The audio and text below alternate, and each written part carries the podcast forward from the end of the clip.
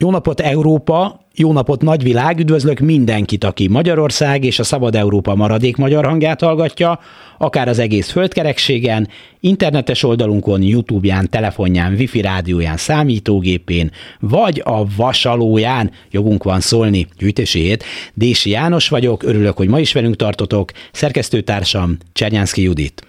Akármilyen dermesztő is, a következő napokban is rengeteg rémisztő híradással képpel fogunk majd találkozni Izrael felől. Ugyanis a civilizáció, a demokrácia és a sajtószabadság fogalmai felől nem értelmezhető egy semmilyen civilizációs értékre nem tekintő, az emberi életekre fittyet hányó terrorszervezet a hallgatassék meg a másik fél fontos elvétől kezdve egy csomó itt sajnos nem működik. De hiszen éppen ez az egyik fő célja a terrornak, és ez nem most kezdődött, hogy te sem maradhatsz meg a mi számunkra alapvető civilizációs értékeknél, ha úgy tetszik a tíz parancsolat szabta világban. A dolgok fájdalmas értelmezésében sokat segített az, amit Frölich Robert főrabi mondott a minap a budapesti Dohány utcai zsinagógában rendezett szolidaritási istentiszteleten, idézem.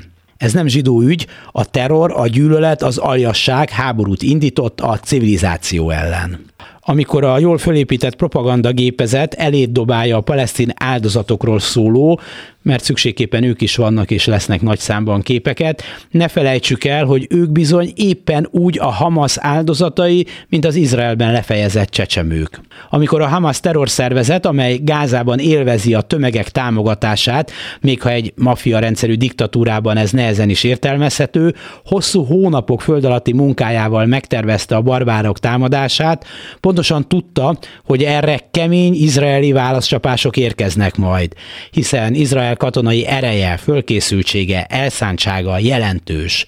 Tudták, hogy sok-sok palesztin halott lesz, civilek, gyerekek, még terhes anyák is, és úgy fest, hogy ez nem csak, hogy nem zavarja őket, hanem kifejezetten cél is. Amikor civil intézmények, akár templomok, óvodák, kórházak alá mellé, a lakóházakba és a többibe telepítik a rakétakilövőket, akkor egyrészt bízhatnak egy darabig az izraeli emberiességben, ha pedig már ez tarthatatlan, neki nekik az sem baj, mert propaganda célra ez talán még többet is ér, mint egy megvédett rakétakilövő. Van egy válasz erre a semmilyen civilizációs gátat nem ismerő brutalitásra. Nincs más választásuk az izraeli elnyomás alatt.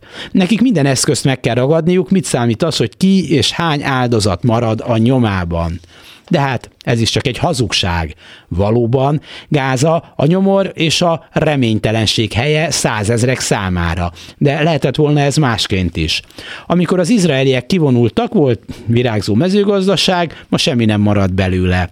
A dollármilliárdokból nem iskolák, üzemek, jóléti intézmények részesültek, amelyet segélyként kaptak a világból, hanem abból, amit nem loptak el, fegyver és gyilkos eszköz lett. Volt más választás, hogy ne lett volna. Nem idilli, nem paradicsomi, de élhető, amelyben nem halnak meg fölöslegesen emberek egyik oldalon sem. A Hamász az örjöngő gyilkolást választotta, tudván, hogy ezzel palesztinok sorának a halálát is okozza. Mostanában sokat idézik az egykori izraeli miniszterelnök Golda Meir, de van egy előző mondata is ennek. Akkor lesz béke, ha az arabok jobban szeretik a saját gyerekeiket, mint amennyire minket gyűlölnek. Az előző mondat a maga tragikus paradoxonával így hangzik. Azt talán valahogy megbocsáthatjuk az araboknak, hogy megölték a gyerekeinket, de azt sohasem bocsáthatjuk meg, hogy arra kényszerítenek minket, hogy mi öljük meg az ő gyerekeiket. Akkor lesz béke, ha az arabok jobban szeretik a saját gyerekeiket, mint amennyire minket gyűlölnek.